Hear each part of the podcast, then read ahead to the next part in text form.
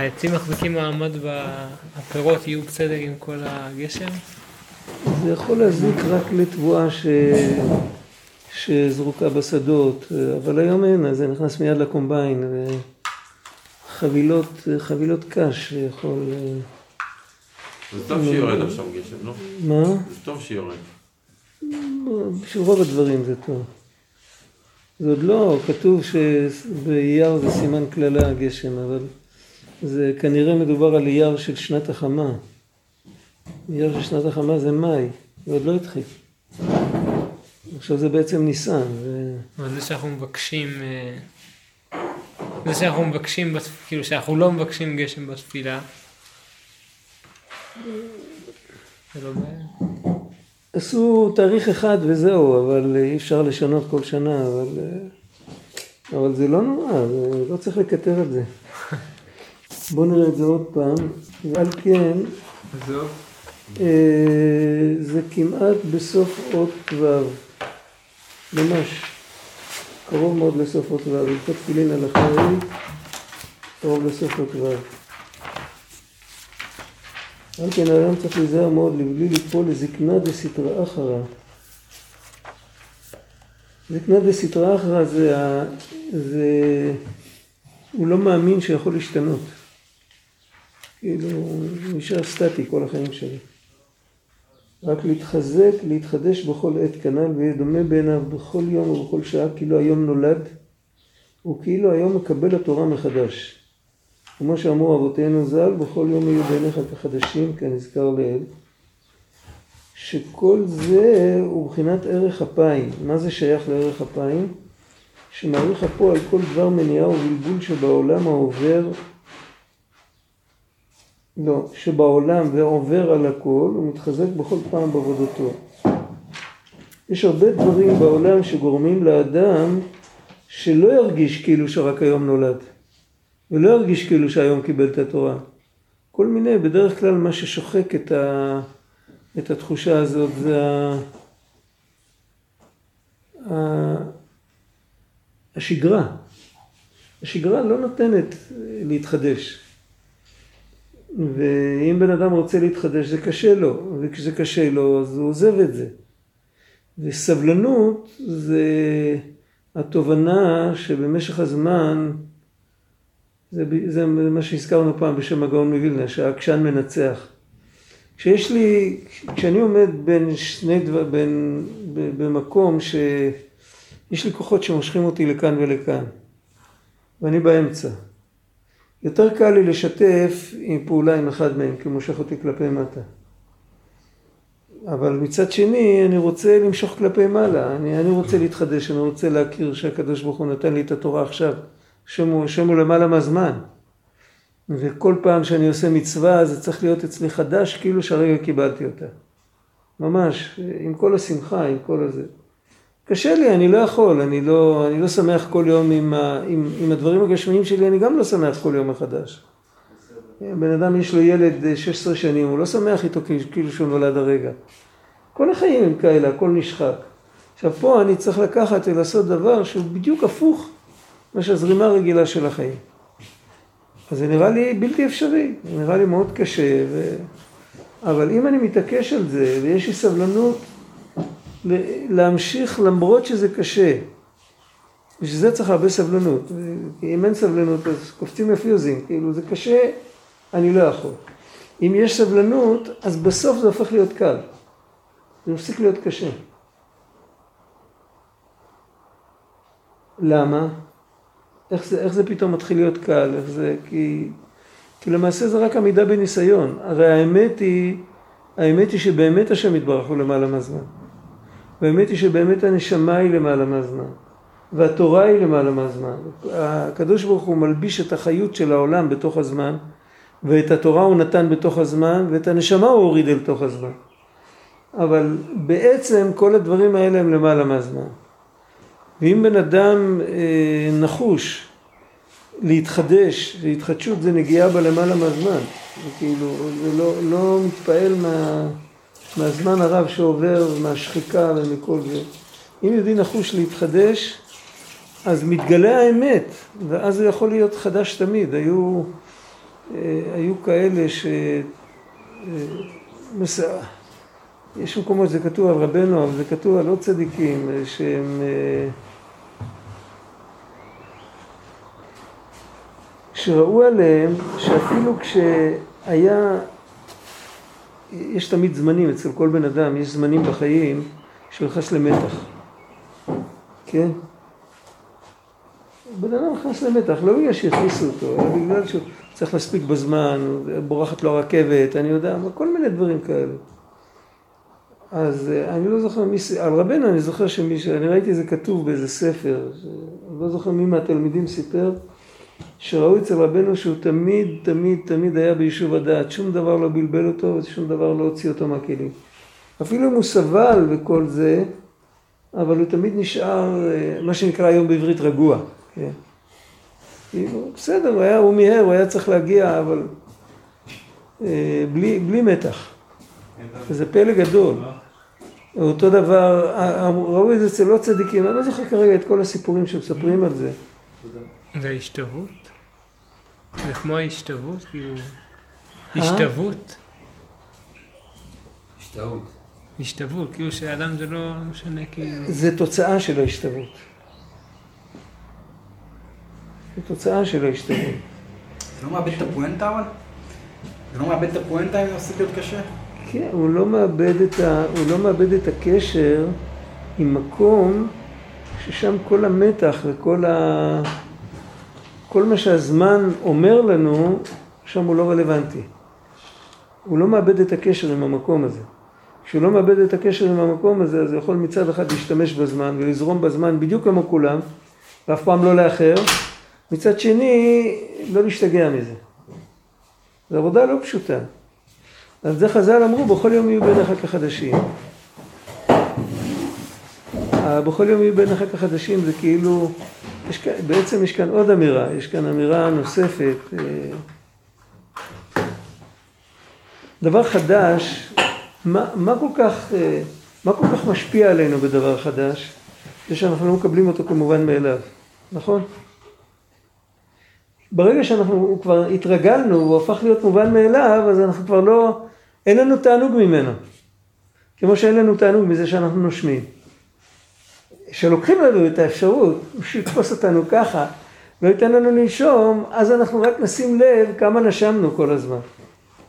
אבל, אז הנקודה הזאת, שמה המובן מאליו? כשאומרים בכל יום יהיו בעיניך כחדשים, אז זה תופס אותנו, חז"ל התכוונו שנשנה את המובן מאליו שלנו. אנחנו, המובן מאליו שלנו זה שהתורה היא בת אלפי שנים, והמצוות הן ישנות. וחיי היום יום הם, הם אינטנסיביים, הם עכשיו, הם זורמים והם חשובים והם הם מכוונים אותנו, הם תופסים אותנו. וכש... וזה המובן מאליו, וכשמגיע הזמן של מצווה, בסדר, אנחנו יהודים, אנחנו מקיימים את המצוות. אנחנו יהודים דתיים, אבל זה לא מובן מאליו. מובן מאליו זה שצריך לאכול ולישון ולנשום, כן, ופרנסה ו- ו- ו- וטמפרטורה נוחה, זה המובן מאליו. בגלל שאנחנו יהודים, אנחנו יצורים משונים כאלה, אז צריך גם לשמוע בקול השם וצריך אה, לעבוד אותו וכולו וכולו. זה, זה, זה לא בכל יום יהיו בעיניך כחדשים. אבל אם בכל יום יהיו בעיניך כחדשים, זה כמו בן אדם שכרגע הקדוש ברוך הוא התגלה אליו וסיפר לו, תדע לך שכל מה שאתה קיים בעולם וכל מה שיש בעולם, זה דיבור של רבנו, הוא אמר שכל מה שיש בעולם זה רק לצורך הבחירה. כל העולמות כולם וכל הטבע של העולם, עם כל, ה, עם כל המובן מאליו של העולם, זה רק לצורך הבחירה. ו, וכאילו הקדוש ברוך הוא פוגש אותנו ולוחש לנו באוזן ואומר לנו תשמעו כל מה שעובר עליכם זה רק לצורך הבחירה. הפואנטה זה לקיים את המצוות שאני ציוויתי. באותו רגע הבן אדם יכול בקלות לשנות את המובן מאליו, הכל משתנה אצלו, זה העיקר, וכל היתר זה רק, כמו שאומרים, תנאים שמאפשרים לפעול, אבל הפעולה עצמה זה המצוות. זה כאילו, זה שני עולמות שונים. ובתוך הדיבור הזה של בכל יום יהיו בעיניך כחדשים, חז"ל, חז"ל כשהם אמרו את זה, זה כבר היה כמה אלפי שנים אחרי מתן תורה. אף על פי כן הם דאגו לידע אותנו שיש מדרגה כזאת שיהודי יכול להגיע למקום שבכל יום הכל יהיה אצלו חדש. וזה רק יכול להיות בזה שהוא מוצא את הקשר עם הקדוש ברוך הוא. הקדוש ברוך הוא מצווה את המצווה, זה לא המצווה. הפואנטה זה לא המצווה, הפואנטה זה הקדוש ברוך הוא שמצווה את המצווה. אם הוא מצווה את המצווה, והמצווה היא כל כולה תלויה בו, אז צריך להתייחס למצווה כמו שמתייחסים אליו. הוא תמיד רלוונטי, אז המצווה גם תמיד רלוונטי. וזהו, וכאן יש עבודה גדולה להבין שבעצם המובן מאליו זה השם יתברך. והדבר הלא מובן מאליו זה שיש עולם ושצריך לחיות בו וכל זה. זה מהפך מאוד גדול בתודעה. מי שזוכה זוכה. זה עבודה כל החיים, צריך לעבוד על זה. זה הכל כלול בתוך, בכל יום ויום יהיו ביניך כחדשים.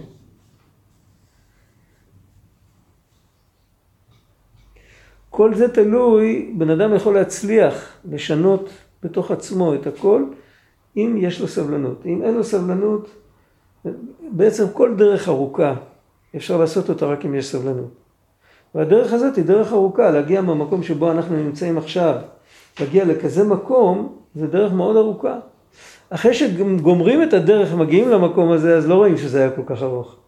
אבל כשנמצאים בהתחלה, אז רואים שזה דרך מאוד ארוכה. ואדם שאין לו סבלנות לא אוהב דרכים ארוכות. אפילו אחר כך אפשר להודות על הדרך. אתה אפילו מבין למה זה היה ארוך, אתה כאילו... יכולים לעבור החיים בינתיים. אה? יכולים להיגמר החיים בינתיים, אבל... לא נורא. זה, הנקודה היא, הנקודה היא, לא דורשים מאיתנו הרבה, דורשים מאיתנו את כל מה שיש לנו. ככה אמר רבי שמחה בוני מפשיסחה, הרבה אין לנו, אי אפשר לדרוש מאיתנו הרבה כי יש לנו מעט. יש לנו מעט שנים ויש לנו מעט uh, כישרונות, יש לנו מעט לב ויש לנו הכל מעט. אבל דורשים מאיתנו את כל הקצת שיש לנו. הרבה לא דורשים מאיתנו. זו אמירה מאוד מדויקת, צריך לזכור אותה. אבל היהודי, כל המובן מאליו שלה זה עבודת, הוא קם בבוקר עושה נטילה. הלוואי, הלוואי, אשריך. למה? אני מסיר בפניך את כובעי. מה זה אורח, חיים של יהודי? קם בבוקר, הולך להתפלל אחר כך. השאלה אבל, השאלה היא, אה, מה הוא זוכר? אני אתן לך דוגמה. אה, היה לי סבא, הוא היה רב גדול, הוא היה, חסיד גדול גם, היה יהודי מיוחד. הוא היה ממש יומיים או שלוש לפני שהוא נפטר. הוא שכב עם מחלה שלא היה לו שום סיכוי לצאת, והוא ידע מזה. הוא ידע שעוד מעט הוא הולך מן העולם. נכנס אח שלו, אח שלו גר מרחק של רחוב אחד ממנו. אח צעיר שלו, נכנס אליו, ישב לידו, ליד המיטה, שאל אותו, מה נשמע? הוא אומר לו, אני לא בסדר. אני לא בסדר. היום, לא היה לי כוח. אמרתי ברכות השחר, מיד אחרי זה התחלתי ברוך שמה. לא אמרתי את כל מה שיש בין זה לזה. על זה הוא התלונן. עכשיו תשמע עוד סיפור, אני הכרתי יהודי זקן, הוא היה דור יותר צעיר, הכרתי אותו כשהייתי מבוגר כבר, שהוא היה, הוא נזרק לסיביר תחת סטלין בתנאים מאוד מאוד קשים. ואחרים סיפרו משם סיפורים, וואי, איזה קור היה ואיזה יתושים היה בקיץ, ואיזה זה, שמעתי פעם זקן אחר שתיאר את הכל, זה היה ממש לבכות איתו ביחד. הזקן הזה, שיצא מכל זה, פעם שאלו אותו איך היה וזה, אז הוא אומר, אתה יודע מה, וואי, לא היה לי סידור, ולא יכלתי בשום אופן להיזכר אם אומרים הנותן ליעף כוח או אומרים הנותן לעייף כוח. זה מה, ש... זה מה שהטריד את מנוחתו. גם עוד עייף שם כנראה, זה היה בריכה רלוונטית.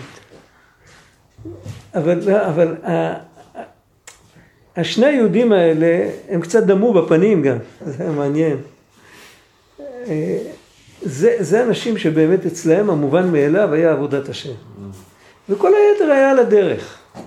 זה, זה הם זכרו, כשזה היה חסר להם, אז הם זכרו, והם לא היו אדמו"רים ולא היו צדיקי יסוד עולם. ילדים שעבדו את השם, אה, התעסקו עם מה שהתעסקו. אחד מהם היה סוחר כל ימיו. הוא היה רב גדול, אבל הוא היה סוחר. הוא לא התפרנס מהקהילה שלו. הוא התעסק בענייני העולם וכל זה, אבל אף על פי כן, כאילו, פעם לשכוח מנחה זה היה בשבילו, כאילו, זה, זה משהו. מה שאנחנו לומדים כאן זה לא המעלה של מי שמגיע למקום הזה. לא צריך להתבלבל. אנחנו לא עושים הספדים על אנשים. כל מה שרבי נתן רוצה להסביר לנו כאן, שצריך להיות עם סבלנות. אם תהיה עם סבלנות, אתה תגיע. מי שיש לו סבלנות מגיע בסוף. הוא מדבר על המעלה של הסבלנות, לא על המעלה של מי שהגיע כבר. אבל מה זה הוא מדבר על להגיע? אלה שלא הגיעו. מה? מה זה לפי זה להגיע? כאילו יש שלב שבו... שיש שלב שבו הבן אדם יש לו חיות נפלאה בעבודת השם, הוא שמח שמחה טבעית, פשוטה. הוא לא צריך כל, כל הזמן, כמו, שיה, כמו שאבא שמח כשהוא רואה את הילד שלו, אחרי הרבה זמן שהוא לא ראה אותו. צורה כזאת. זה נקרא שהוא הגיע למקום הזה, יהיו ביניך כחדשים. אה, אספר לך עוד כמה סיפורים. ראיתי כמה יהודים טובים איך שהם הניחו תפילין, זה היה, זה היה מעניין לראות אותם. מה ש... כאילו, מה, מה קורה להם? מה משתנה ביום הזה? מה? מה משתנה ביום הזה? מה ההבדל בין היום לבין היום ההוא שאני אגיע, שצריך לשכנע אותי? בין איזה יום? בין היום... היום ההוא שאני אגיע לעבוד את השם בשמחה, למה שעכשיו זה לא יהיה? זה, היום הזה אני עושה את הכל בלי לב. אני עושה את הכל כי התרגלתי, וכי, או כי, כי אני פוחד מעונש או משהו כזה. אולי אני אוהב את השם על זה שהוא נתן לי לחיות, אבל בין אהבת השם לבין לקיים את המצוות שלו בגלל שהוא רוצה, ולהרגיש שהמעשה הוא ביטוי לאהבה, כמו בן אדם לחברו. אתה יודע, יכול להיות בן אדם ש... אני מאוד אוהב אותך, אבל כל פעם שאתה צריך אותי אין לי זמן אליך. אז איך אני אוהב אותך? אתה מבין? יש נקודה של אמת שהאהבה מתגלית במעשה. וזה אין לנו כל כך. אין לנו את זה. וכשבכל יום יהיו ביניך כחדשים, אז זה מה שקורה. איך זה קורה? איך זה משתנה פתאום? מה, מה השינוי? המשתנה בלב משתנה משהו. הבן אדם, הבן אדם מרגיש את הנוכחות של השם בצורה כזאת, שהוא שמח שהוא עושה עבורו משהו. אהבת פעם מישהו בחיים שלך? כן. אולי. ספק גדול. אם תאהב מישהו, אתה תרגיש שאתה עושה בשבילו משהו, אתה מרגיש תענוג. זה הבחינה של בכל יום יהיו ביניך כחדשים. והתענוג הזה לא נשחק, זה יכול להיות שאתה עושה, עשית כבר אלף מעשים, והמעשה האלף יש לך תענוג כמו במעשה הראשון. כי אתה באמת אוהב.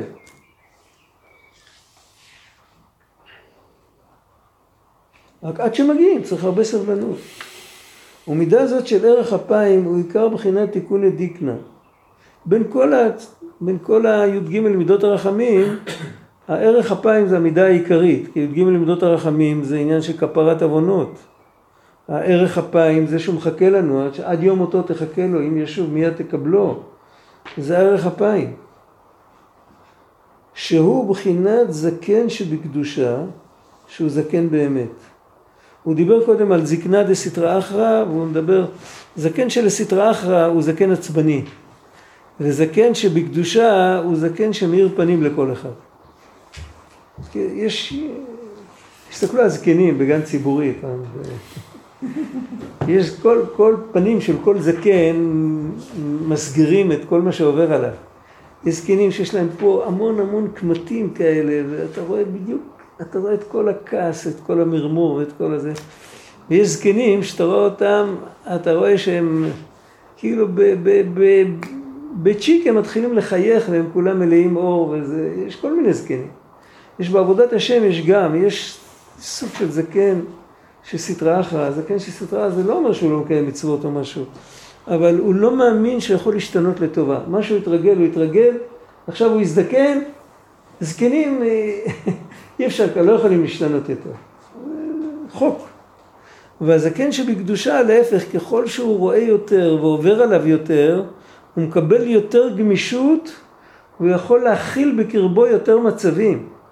ועם כולם הוא יעבוד את השם. זה סוג זקן אחר. מעניין אותי למה זה באמת, אה, כאילו, שהזקנים הם לא... זה- זקנים הם חסרי סבלנות, לא, אבל כשמגיע לאיזה גיל הם... הם- זה קשה להם. להשתנות. למה? כאילו, הם מקבלים קיבעון. אה. אני לא יודע להסביר את זה, אבל זה ככה. אבל רבי נתן אומר שיש גם זקנים הפוך. יש, יש בזקנים, יש גם דבר הפוך. זקנה אמיתית לא חייבת להיראות ככה. לא הצלחתי להבין מה יוצר את המהפך, שנגיד, למשל לגבי תפילה. למשל לגבי, לא כן. יצא, לג, לגבי תפילה, שאנחנו אומרים את, אותו, את אותם מילים כל כך הרבה פעמים. נכון. מה, בערך כמו מה שהוא שאל, מה יוצר את המהפך שפתאום יהודי יכול להגיע למקום שהוא כל פעם, משהו נפתח אצלו וכל פעם האשרי זה אשרי אחר והשמונה עשרה זה שמונה עשרה אחר. תחשוב שאתה צריך להגיד למישהו את אותם מילים כל יום, אבל המישהו הזה מסתכל לך בעיניים ושומע אותך איך שאתה אומר את זה. אתה מורה בכיתה, יש שם ילד שאתה כל יום צריך להגיד לו משהו. לא משנה למה, אם זה לטוב או לרע, לא חשוב. עכשיו, זה לא נמאס לך להגיד לו. אתה לא מרגיש שאמרת את זה כבר אלף פעמים. אלא אם כן הוא לא שומע, הוא לא שומע לך, זה סיפור אחר. אבל עצם זה, בגלל שאתה אומר את זה למישהו, והמישהו הזה כרגע צריך את זה, אז אה, אימא מניקה את הילד, היא יכולה להניק אותו שנתיים ולא נמאס לה. אתה מבין אותי? אם יש רגש בעניין, בקשר, אם יש רגש בקשר, אז זה לא נמאס. אם אין רגש, אז זה מתחיל להיות קשה. מה שרבי נתן מלמד אותנו, הוא אומר כאן חידוש, לא, בוא לא נתבלבל. הבן אדם הזה כרגע עדיין אין לו רגש, הוא מכריח את עצמו כל יום להתפלל ולדמיין שהוא מרגיש את הקדוש ברוך הוא מולו והקדוש ברוך הוא מקשיב לו. בסוף זה באמת יהיה כך. כי הוא לא משקר את עצמו, הוא לא עושה כאילו. הוא, מד- הוא, הוא מזכיר לעצמו שזה האמת. הוא מזכיר לעצמו שבאמת הקדוש ברוך הוא מקשיב. יום אחד ייפתח משהו, והוא באמת, אנחנו כולנו יודעים, מי לא למד את זה? כולם יודעים שהקדוש ברוך הוא בורא את העולם כל רגע, נכון? עכשיו, אחרי הרבה שנים שאתה לומד את זה, ואתה יכול להיות שאתה גם מספר את זה לכולם וכל זה, יכול להיות שפעם באיזה יום אחד בבוקר לפני מודה אני, פתאום ייפול לך האסימון, כמו הטיפות על המים שעושים חור באבן, פתאום ייפול לך האסימון, תגיד, מה, זה, זה, זה, כל הדברים האלה? הם לא שלי בעצם, הקדוש ברוך הוא נותן לי אותם מתנה, הוא בורא אותם הרגע. באותו רגע קרה לך משהו. אם זה באמת קורה לך, אז אתה לא תחזור להיות אותו אחד כמו שהיית קודם. עם היד הזאת לא תוכל לתת סטירה לחבריות. אם אתה רק חושב על זה, ואתה, זה עוד לא, אתה מבין, יש תמיד רגעים שאחרי כל העבודה האינטנסיבית של כל, ה, כל החשיבה וכל הדיבור וכל האמונה וכל הזה, תמיד קורה איזה רגע, השם יעזור שזה יקרה משהו יותר מהר, שלא צריך לחכות איזה 70 שנה. אבל תמיד קורה, אם זה קורה בגיל 70 זה גם לא נורא. עדיף מה שזה לא קורה בכלל. תמיד קורה איזה רגע שברגע הבן אדם קורא לו הוואי, כאילו הדבר הזה כאילו, זה באמת ככה. והרגע הזה הוא כבר בלתי הפיך. זה כבר... ויש אנשים שחושבים שאפשר להגיע לרגע הזה בצ'יק צ'אק. וכי הם לא מכירים את המעלה של הסבלנות. עצ, עצם זה שאנחנו לוקחים לעצמנו את הזמן ואנחנו לא מתעצבנים, זה פותח את הלב, זה מזכך אותנו. זה עצם זה שאני מסכים לחכות הרבה שנים, זה מוריד לי את הגאווה. בעל גאווה לא אוהב לחכות. זה מוריד לי את הגאווה, וכשזה מוריד לי את הגאווה יש יותר סיכוי שזה באמת ייכנס ללב. על זה מה שאמרתי עכשיו, על זה אמר הקוצקר, שה... למה כתוב על לבביך, והיו הדברים האלה אשר אנוכי מצווך היום על לבביך, מה זה עוזר אם זה רק על הלב? לפעמים הלב ייפתח אז ייכנס פנימה, ככה הוא אמר. שמעתי את זה מהאדמו"ר מגור, מהפני מנחם. הוא, הוא אמר את זה בשם הקוצקר, זה לא איזה דבר שכתוב בספר סיפורים, זה אמיתי. ברגע שהלב נפתח, אז ייכנס, אבל זה צריך לקחת, צריך לש- לשמור את זה על הלב. יכול להיות ש-60 שנה אתה שומר את זה על הלב, ואתה רוצה כבר לזרוק את זה כי אתה רואה שזה לא נכנס. אם אתה שומר את זה עוד כמה שנים, בסוף זה ייכנס. אני מאחל לך שזה לא ייקח 60, 60 שנה, שייקח 60 יום. אבל לכל אחד זה לוקח כמה, ש- כמה, ש, כמה שהוא צריך לזכך. אם בן אדם פחות בעל גאווה, זה ייקח לו פחות זמן.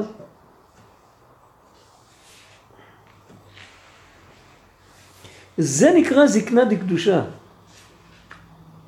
הזקן עם הסבלנות זה זקנה דקדושה, הזקן שמאבד סבלנות זה זקנה דסתרא אחרא, מזה צריך לברוח. ורק זהו בחינת, שהוא חי חיים ארוכים, וזהו, הוא כותב שהוא בחינת זקן שבקדושה, שהוא זקן באמת, כי הוא חי חיים ארוכים באמת, כי הוא מתחיל לחיות בכל פעם מחדש.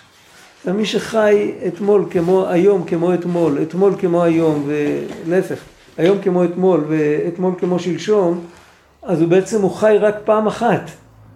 כל היתר זה רק אה, השתקפות, הוא לא באמת חי. אם הוא חי כל יום כאילו שהיום הוא נולד, אז הוא חי את שלשום, והוא חי את אתמול, והוא חי את היום.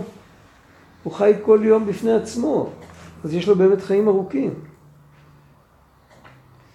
כי כשנופל לזקנה דסתרא אחרא, היינו שנזקן עבודתו אצלו, הוא עושה את זה בלי לב, הוא עושה את זה מתוך הרגל. ומכל שכן כשנופל מעבודתו חס ושלום, מחמת שנדמה לו שנזקן בחטאיו כל כך עד שאי אפשר לו לשוב חס ושלום, זקנה כזאת רחמנא ליצלן הוא עיקר קיצור ימים. אז הוא מדבר כאן על שלוש סוגי זקנה, הוא מדבר על אחד שהוא זקן דקדושה, שהוא מתחדש כל פעם, הוא, הוא מחפש את הקשר עם הקדוש ברוך הוא כל יום מחדש, כאילו שעוד לא התחיל, הוא לא, הוא לא סומך על זה שאתמול הוא כבר חשב והתבונן והתפלל וביקש, הוא מתחיל הכל מחדש מאפס, כל יום. זה זקן דקדושה, יש זקן דסתרא אחרא, זה יכול להיות אחד כזה שהוא בתוך, בתוך הגבול של התורה והמצוות, אבל הוא עושה את הכל ב... הוא עושה את הכל מתוך הרגל, בלי שום, בלי שום עניין, הוא לא משקיע. זה איך אמר לנו פעם מישהו, אה, אה, שיש אחד שמניח תפילין ויש אחד שמגלגל את התפילין. זה גלגל החוזר בעולם, כאילו, בסדר. ויש עוד יותר אחד כזה שהוא עוזב את עצמו לגמרי, שאי לזאת, ובהתאם לכך, היות שזה כל כך מסובך, וצריך כל כך הרבה סבלנות וכל זה, אז הוא, אז הוא עוזב את עצמו. אז הוא נופל לחטאים ולעוונות וכל זה. והתירוץ שהוא אומר לעצמו, בכל אופן הוא יהודי, הוא צריך להגיד לעצמו איזה תירוץ. אז הוא אומר, אני כבר זקן, קשה לי, צעירים יכולים לעשות מהפך. יכולים להפוך את העולם, יכולים להפוך את עצמם, אני זקן כבר, תעזוב אותי. אבל למה גם, אני מבין למה קוראים לזה זקן בסטרא אחרא, אבל זקן בקדושה, לכאורה זה צעיר בקדושה, כאילו מה העניין שהוא מצד אחד זקן... הזקן בקדושה הוא מצד אחד זקן, בצד אחד הוא יניק, כמו בסיפורי מעשיות. מה מצד- המעלה של זה שהוא זקן? המעלה של זקן, שלמרות שהוא כל כך הרבה פעמים כבר עשה את המצווה הזאת, למרות זאת הוא מקיים אותה כאילו שהוא עוד לא נגע בה אף פעם. אבל הוא כן עשה הרבה פעמים. קצת מייאש פה רבי נתן. בן אדם מודרני, כשאומרים לו סבלנות, זה מייאש אותו. רבי נתן לא אומר לנו סבלנות, הוא אומר לנו הסבלנות זה התיקון שלך. יכול להיות זקן גם בגיל 20, השאלה אם הוא מתכוון לזקן... אה, הוא לא מתכוון לזקן ביולוגי, זה יכול להיות בין 13 שנה ויום אחד. בהחלט. יש כאלה שנולדים זקנים. אבל, אבל אני אומר לך עוד פעם, אומרים בן אדם סבלנות, סטנדה שבויה, ככה סבלנות, זה, זה, זה מקפיץ לו את הפיוזים. זה גם, זה גם קשור עם גם מי אתה שתגיד לי לחכות, כאילו. אבל כשאומרים לבן אדם, לא אומרים לו סבלנות על, על מקרה ספציפי, אלא מתיישבים איתו מתי שהוא לא, לא שייך, זה לא רלוונטי כרגע. אומרים לו, תדע לך, אם תהיה סבלן, אם יהיה לך סבלנות, כל החיים שלך ייראו אחרת. פה הוא כבר יכול להתחיל לשמוע. ואם הוא יאמץ את הכלל הזה, אז, אה, אז הוא יחיה באמת אחרת. ואתה יודע מה? הוא יצטרך לחכות פחות. זה לא יפריע לו, הוא סבלני. הסתובב פה פעם מישהו, הוא היה, הוא לא היה כזה מבוגר, אבל הוא, הוא מאוד רצה להתחתן, ולא הלך לו.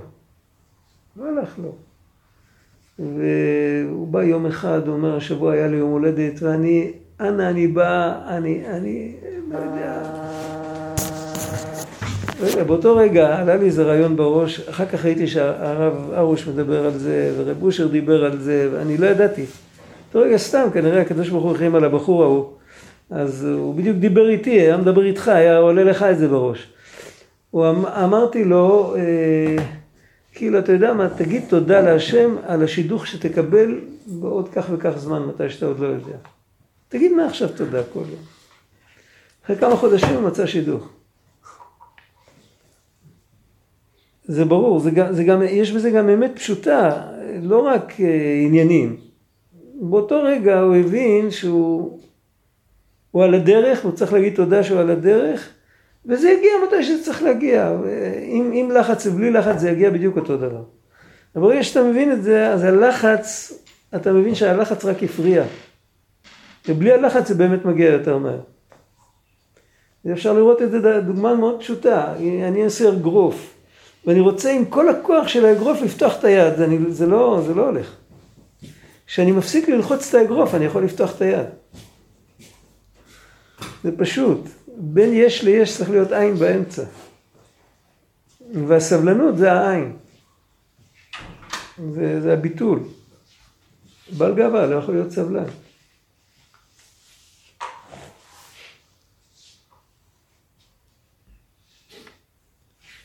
זקנה כזאת, רחמנא ליצלן, היא עיקר קיצור ימים, ואפילו אם הוא יחיה 150 שנה, אבל הוא קצר רוח, הוא לא יכול לסבול את עצמו. כמובן בדברי רבנו ז"ל, שזקנים כאלו שאינם מוסיפים חיות ותוספת עבודה בכל עת נקראים קצר ימים שבע רוגז. טוב, זה, זה אריכות שלמה, זה לא נוגע כאן לעניין כל כך. הכלל, שכל אדם שרוצה לחשוב על תכליתו האחרון צריך להיזהר מאוד לבלי להיות זקן כלל. אסור להיות זקן. הן צדיק, הן חסיד, הן שאר כל אדם, אפילו הפחות שבפחותים, כפי מה שהוא, צריך להיזהר מליפול לזקנה הנ"ל, כי אפילו צדיק גדול אסור לו להיות זקן בעבודתו. אף על פי שזכה לעבודה שלמה במדרגה גבוהה, אף על פי כן צריך להתחזק, לעלות מדרגה לדרגה ולהתחיל בכל פעם מחדש. כי זה עיקר היהדות, להתחזק, לעלות בכל פעם מדרגה לדרגה. כמו ששמעתי מפי רבנו ז"ל, הוא לא אומר על ידי מה. לא שמעתי, מה? הוא רק אומר להתחזק, הוא לא אומר על ידי מה להתחזק, שלא ליפול. שפספסתי. הוא כן אומר. הוא כן אומר. מה המשמעות של לעלות מדרגה לדרגה, אתה יודע? איך עולים מדרגה לדרגה? כתוב על רבי זרע, שהוא צם מאה ימים לשכוח תלמוד בבלי כדי שיוכל ללמוד תלמוד ירושלמי. אם בן אדם חושב שהוא בעל מדרגה, הוא לא יכול לעלות. יש לו סיפוק, הוא בסדר. הוא צריך, ב- ביחד עם כל המדרגות שלו, הוא, זה טוב מאוד שיש ליהודי מדרגות, טוב מאוד. הוא צריך לדעת שהוא עומד כלפי הקדוש ברוך מול הקדוש ברוך הוא, אז הוא עין ואפס שעומד מול אינסוף. ועל ידי זה, אם, הוא, אם זה באמת, אם זה מה שקורה לו, אז, אז הוא יכול להתחיל, הוא יכול להשתחרר מהאחיזה. הוא מחזיק בקרנות המזבח, הוא כאילו, הוא מחזיק, הוא פוחד לעזוב, וזה גם מונע אותו מלעלות, כמו שזה מונע אותו מלרדת. אם הוא יודע שהוא עדיין עין ואפס, והקדוש ברוך הוא אין סוף, וכמה שהוא יעלה הוא לא מגיע, אז, אז הוא, משתחרר מהאחיזה שלו, והוא יכול להתחיל לעלות יותר. עכשיו, איך זה להסביר את זה בשפה של בני אדם? אז זה פשוט מאוד. יש לפעמים בן אדם שהגיע לאיזו תובנה מאוד עמוקה, הוא מבין מאוד את גדולת השם באיזשהו אופן וכל זה, ו, והוא הוא מתעסק רק עם זה, וזה שומר עליו, זה שומר עליו, אבל גדולת השם האמיתית היא משהו שונה לחלוטין. אם הוא היה מבין, יש בזה ריבוי דרגות, אבל אפילו אם הוא רק מבין גדולת השם בדרגה אחת מעליו, אז כל העבודה שלו הייתה הופכת להיות משהו אחר לגמרי. רק הוא לא מסוגל להבין דרגה אחת מעליו בגלל שהוא חושב שמה שהוא מבין זה, אני לא אגיד שהוא חושב שזה חזות הכל, הוא לא חושב שזה אי אפשר יותר מזה. אבל הוא חושב שזה באמת משהו בצורה, באופן אובייקטיבי, זה משהו מאוד מאוד יקר. אז חבל לו לעזוב את זה. אבל אם יבוא אליו חבר, חבר טוב, ידיד נפש, תן לו נשיקה בקרחת, ויגיד לו, תשמע, אחרי ככלות הכל, אתה עדיין לא התחלת. אתה עוד לפני האלף בית. דע לפני מי אתה עומד. אתה עוד לפני, ה... לפני ההתחלה. מי אתה בכלל? אתה עוד לפני המי אתה. אז אם הוא יבין את זה, אז משהו בפנים יסדק אצלו. הוא ימשיך עם התובנה הזאת. אבל גם בזה אפשר להיות זקן. מה? גם עם המחשבה הזאת אפשר להיות בזקן. נכון, נכון, אבל, אבל בכל אופן, הוא יבין שה... הוא עוד לא התחיל. הוא לא התחיל, הוא צריך לזרוק את עצמו, צריך להתגייר עכשיו. איך זוכים להיות יהודי? איך רבנו היה אומר? צריך להתגייר. וגר שנולד, קטן שנולד עכשיו, מה שהוא יעשה, כשהוא יתחיל להתבונן בגדולת השם, הוא לא יתחיל לחזור על מה שהוא רגיל, אלא ירשה לעצמו להסתכל מאפס. והיות שהוא יזדכך עם כל כך הרבה שנים של עבודה וכל זה, כשהוא יסכים להסתכל מאפס, הוא יגיע הרבה יותר רחוק מה שקודם, שהוא כל הזמן חזר על מה שהוא יודע. אתה מבין מה שאני אומר? וכל זה בגלל שהוא ידע שכל, בגלל שנודע לו שכל הגדולה הזאת היא בעצם עין ואפס. הוא חטף סטירה, רבנו אמר, הפש גחפנו פרלך גקלט. הוא חטף סטירה, אבל הוא מתופף רילך. לפעמים סטירה יכולה לתקן מה ששום דבר אחר לא יכול לתקן. אלא אם כן בן אדם הוא בעל גאווה והוא כמו החכם בסיפור, שהיכו אותו אז הוא, הוא הלך להזמין אותו למשפט. כאילו, הוא הלך לחפש, אה, הגיע למשנה למלכות אה, בשביל לעשות משפט על מישהו שזרק אותו מחוץ לבית מרזח כי הוא לא התנהג יפה. אם בן אדם הוא ככה אז אין לו תקווה, אה, כן, בסוף יהיה לו תקווה עם המשנה למלכות, ש... עם הבוץ שהוא נכנס. אבל אם בן אדם יודע שאת הסתירות השם נותן לו, ובא אליו חבר ואומר לו, תשמע, עוד לא התחלת, או שהוא רואה את זה בספר, והוא לומד תורה ו', והוא כתוב שם בקיא ברצו, וכמה שבן אדם עולה ועולה ועולה, הוא עדיין לא התחיל, והוא מקבל את זה בהבנה, ויש לו סבלנות, אז הוא אומר, אם לא התחלתי, אז מחר בתפילת שחרית אני אתחיל להתפלל כמו ילד קטן. לא על סמך כל הידיעות שלי, ועל סמך, אני, אני ארשה לסידור לספר לי את מה שבאמת כתוב שם. אני לא אסנן את הכל על סמך הידע המוקדם שלי. אני אשים בצד את כל הדעות הקדומות, גם את הטובות. אתה מבין? זה, בעצם תנאי ל, ל, לעבור לעולם יותר גבוה.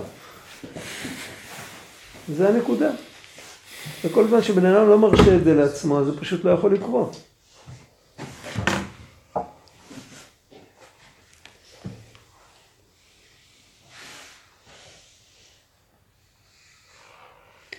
זה מה שכתוב כאן, אף על פי כן צריך להתחזק, לעלות מדרגה לדרגה או להתחיל בכל פעם מחדש. עכשיו אותו דבר זה לא רק בעניינים כאלה, זה מדובר, מדובר על צדיקים, מדובר על השגות, מה יעשה בן אדם פשוט שאין לו השגות בכלל? אבל יש דבר נוסף,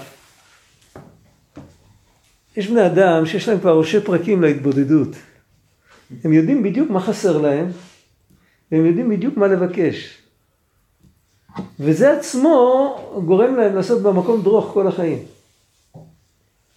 וגם שם יש את אותה עבודה, רק זה עבודה בשביל אנשים יותר פשוטים, לא מדובר על השגות. אבל קודם כל, תבוא עם דף חלק ואל תסתכל על מה שביקשת אתמול. יכול להיות שאם תתחיל מאפס, אז היום אתה תהיה, היום תהיה יותר מכוון ואתה תבקש את מה שאתה באמת צריך. אתמול ביקשת את הדברים שהתרגלת בשלושה חודשים האחרונים לבקש. וזה מה, ש, מה שמחזיק אותך, יכול להיות שאתה עכשיו במקום אחר אתה צריך לבקש דברים אחרים. איך אמר פעם מישהו, אמר פעם צדיק, הוא אמר יש פנינים ששולים מהים, הם יקרים מאוד, ויש פנינים ששמים במרק, גריסי פנינה, מכירים את זה? אחד בא לבקש פנינים, תלוי איך שהוא מגיע, יש אחד שמבקש פנינים, נותנים לו, נותנים לו, זה סוג של שקדי מרק כאלה, אני לא יודע בדיוק מה זה. זה סוג של דגן כזה. ויש אחד שנותנים לו אחרוזת עם פנינים ששווים מיליון, כן? אז אה, תלוי, תלוי איפה אתה נמצא, אם אתה מתעקש לבקש את מה שאתה ביקשת אתמול ושלשום וזה, אז אה, מי אומר, אולי בינתיים, אולי בינתיים מסרת את הנפש, עזרת לאיזה יהודי, אולי עשית איזה משהו, עשית התקפי על גלידה, לא משנה.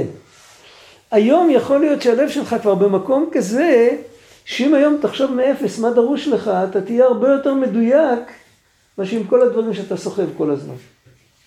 צריך להתמיד בבקשה. אז זהו, אנחנו פוחדים, אנחנו מפחדים שאם נעזוב את זה, נשאר בלי כלום. לא, מה? מה? למה? לא הבנתי את הנקודה הזאת של למה זה רע.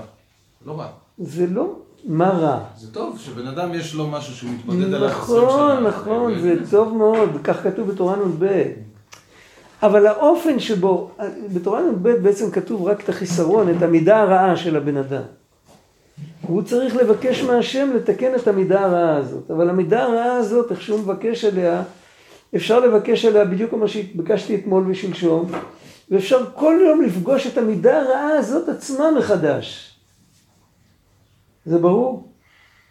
כמו ילד שהוא מגיע למקום חדש, הוא עוד לא מכיר אף אחד, והוא לבד מסתכל בלי, בלי דעות קדומות. אם אני מבקש כמו אתמול אה, משהו... אם אתה מבקש כמו אתמול, אז ייתכן שזה טוב, וייתכן שאתה מפספס. ייתכן שאם היית, היית מתחיל מאפס, היית מגיע למקום יותר מדויק בנפש, והיית אומר את זה עם אמת יותר גדולה, ואז היה מתקבל גם יותר מהר. מה זה להתחיל מאפס? אה? איך מתחילים מאפס כל... אה, להתחיל מאפס, זה עוד פעם, זה אותה, נקודה של הזקנה. נכון, על זה הוא מדבר. אה, למה אני מדבר על זה? היות שקודם לקחתי דוגמה מצדיק, הוא מדבר על צדיק, אחר כך הוא מדבר על אין צדיק, אין חסיד. הדוגמה הראשונה היא דוגמה של צדיק, הדוגמה השנייה היא דוגמה של חסיד. אז קודם דיברנו על השגות, הסיפור הזה של רבי זרע עם המאה התעניות, זה סיפור של צדיקים, זה לא סיפור של...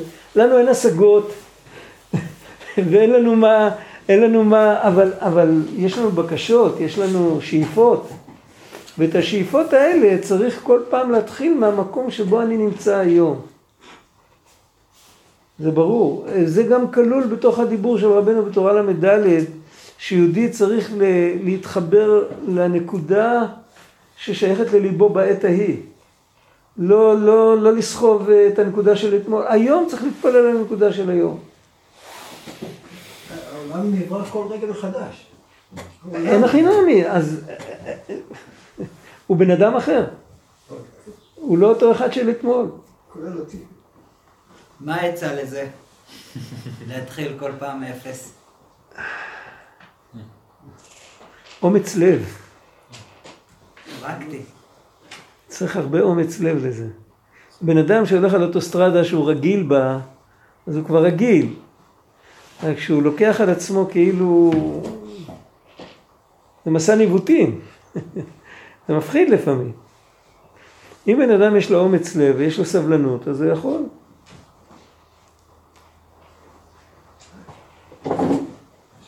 הרב, זה לא... מה זה? אז מה מחר? מה רגע?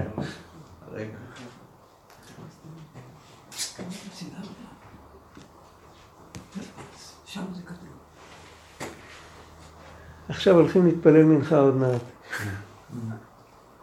ויהודי הולך להגיד, אשרי יושבי ביתך עוד יעללוך הסלע.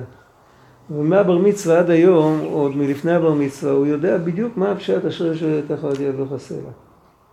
נכון? יופי. עכשיו, אני סיפרתי את זה לפני שבוע, מתי סיפרתי את זה? סיפרתי את זה הרבה פעמים, סיפר לי חבר, שהוא פעם נת- נת- נתקע בחדר המתנה של מישהו, ולא היה שם שום דבר מה לקרוא, היה שם רק סידור. הזכרנו את זה לפני שבוע. הוא לקח את הסידור, בחור שבא מבית דתי. הוא מגיל אפס, הוא מתפלל ומברך והכל. התיישב שם על ספסל והתחיל התחיל לקרוא את הסידור כמו שקוראים עיתון, ככה. הוא אומר שהוא נורא התבייש, הוא ראה שהוא פעם ראשונה בחיים שלו פגש את הסידור. כי ככה הוא תמיד, הוא ניגש לסידור, קודם כל הוא צריך להספיק. פה הוא לא היה צריך להספיק. כמה שהוא יקרא, יקרא. ו... ו... זה לא זה רק הנקודה, הוא, הוא ניגש לסידור, אז הוא יודע שהוא לא, לא אתמול התחיל, הוא כבר, הוא, הוא כבר יודע בדיוק הכל, איך זה ומה זה ומה המשמעות, הכל זה, הוא כבר... הוא בתוך העניינים, זה, הוא לא, הוא לא גר שנתגייר אתמול. אבל אז הוא לקח את זה בלי קשר לחובה של התפילה ובלי קשר למקום שלו בחברה ובלי קשר לכלום. סתם הוא לקח את זה בשביל להעביר את הזמן. אז הוא ראה באמת, וואי, כתוב כאן שאשרי מי שיושב בבית של הקדוש ברוך הוא. והוא יזכה להלל את הקדוש ברוך הוא בלי גבול. פעם ראשונה שהוא פגש את ה... זה היכה לו בראש, הוא ראה, הוא התבייש, הוא ראה שעד עכשיו הוא לא ראה את הסידור בכלל. למעשה מה הוא עשה? הוא עשה את מה שרבי נתן מדבר על זה עכשיו. הוא ניגש לזה בלי, בלי, בלי כל העבר שלו. הוא ניגש לזה כמו שניגשים לדבר. כמו שפעם ראשונה אחרי התשובה שלוקחים, פוגשים את הסידור. היה פה סעודה שלישית, היה פה איזה בחור, אה, הוא לקח את הסידור אחרי זה, ישב פה, אני לא יודע מי זה היה, הוא הגיע עם ישראל פרגין ביחד, אתה יודע מי זה היה? הוא לקח את הסידור ביד, אני קינאתי בו, איך שהוא מתפלל. זה ממש, זה... הלוואי שניקח ביום כיפור ונעילה את הסידור ברצינות כזאת. לא, לא שמעו ממנו כלום, אבל ראו עליו. אי אפשר, אי אפשר דבר כזה, אי אפשר להחביא. כן? אנחנו כולנו יכולים להיות ככה. יכול להיות שאצלו זה היה פעם ראשונה שהוא לקח סידור, אני לא יודע. אבל, אבל אצלנו אנחנו יכולים לקחת סידור כמו פעם ראשונה ולהניח תפילין כמו פעם ראשונה. בהחלט שאפשר. גם... אה, צריך יותר תשומת לב. אז מנחה תהיה עכשיו שעה מה? וחצי? אז מנחה תהיה עכשיו שעה וחצי? תפילת מנחה תהיה ארוכה עכשיו? זה לא צריך, לא צריך לקחת יותר זמן. זה לא צריך לקחת יותר זמן. להפך. כשאתה, מה פתאום? תחשוב על אחד שרק אתמול חזר בתשובה. הוא, הוא קורא בסידור, הוא קורא באותה מהירות כמו שהוא קורא עיתון. אבל כל דבר מכה בו במקום חדש לגמרי. זה לא צריך לקחת יותר, להפך, ככל שאתה מכוון יותר זה צריך לקחת פחות זמן.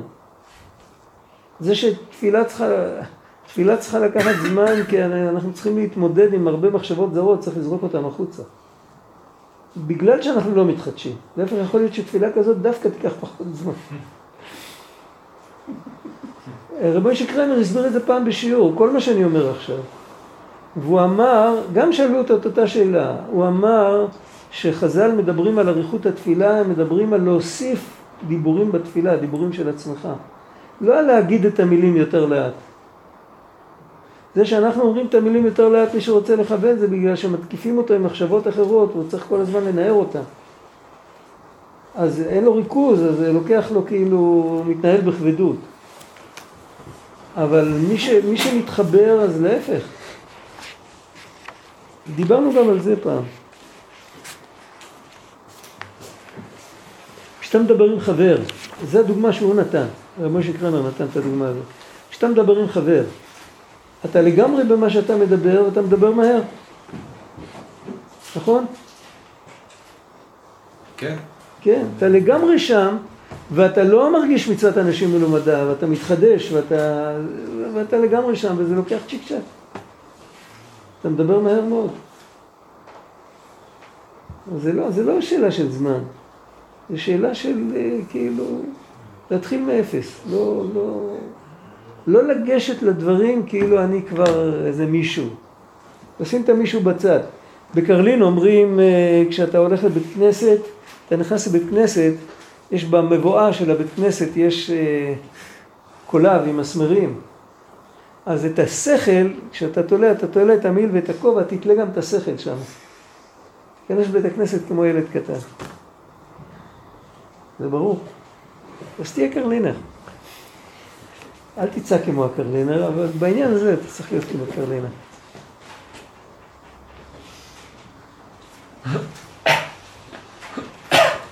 וכמו ששמעתי, אף על פי כן צריך להתחזק, לעלות מדרגה לדרגה, להתחיל בכל פעם מחדש, כי זה עיקר היהדות, להתחזק, לעלות בכל פעם מדרגה לדרגה. כמו ששמעתי מפי רבנו ז"ל, בעת שהתחיל לומר התורה תשעה תיקונין יקירין נתמסרו לדיקנה, שאמר אז בזה הלשון, מי שרוצה להיות איש ישראלי, דהיינו, שילך מדרגה לדרגה, אי אפשר כי אם על ידי ארץ ישראל. ומחלל דבריו אנו שומעים שאין נקרא איש ישראלי באמת כי הם קשים שהולכים מדרגה לדרגה וזה זוכין על ידי ארץ ישראל. אין שם בתורה תשעה תיקונים יקירין הנ"ל וזה עיקר חיים ארוכים מבחינת התורה שנקראת חיים כשמתחילים בכל פעם מחדש וכולו. גם ארץ ישראל גופה צריך להיות בהתחדשות. היה רב אברום ברבי נחמן, הרי היה עשרים שנה האחרונות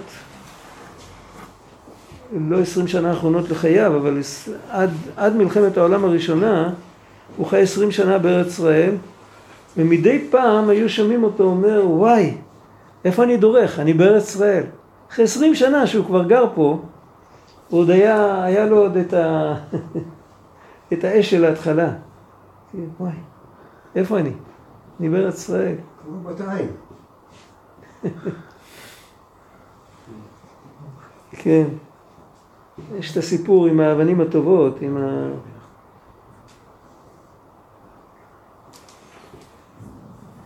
טוב. זהו, ההמשך, פעם אחרת. המשך, הוא דיבר על צדיקים ועל חסידים, ועכשיו הוא יתחיל לדבר על רשעים. גם הם לא צריכים להיות זקנים, זה, זה נראה פעם אחרת כבר. טוב.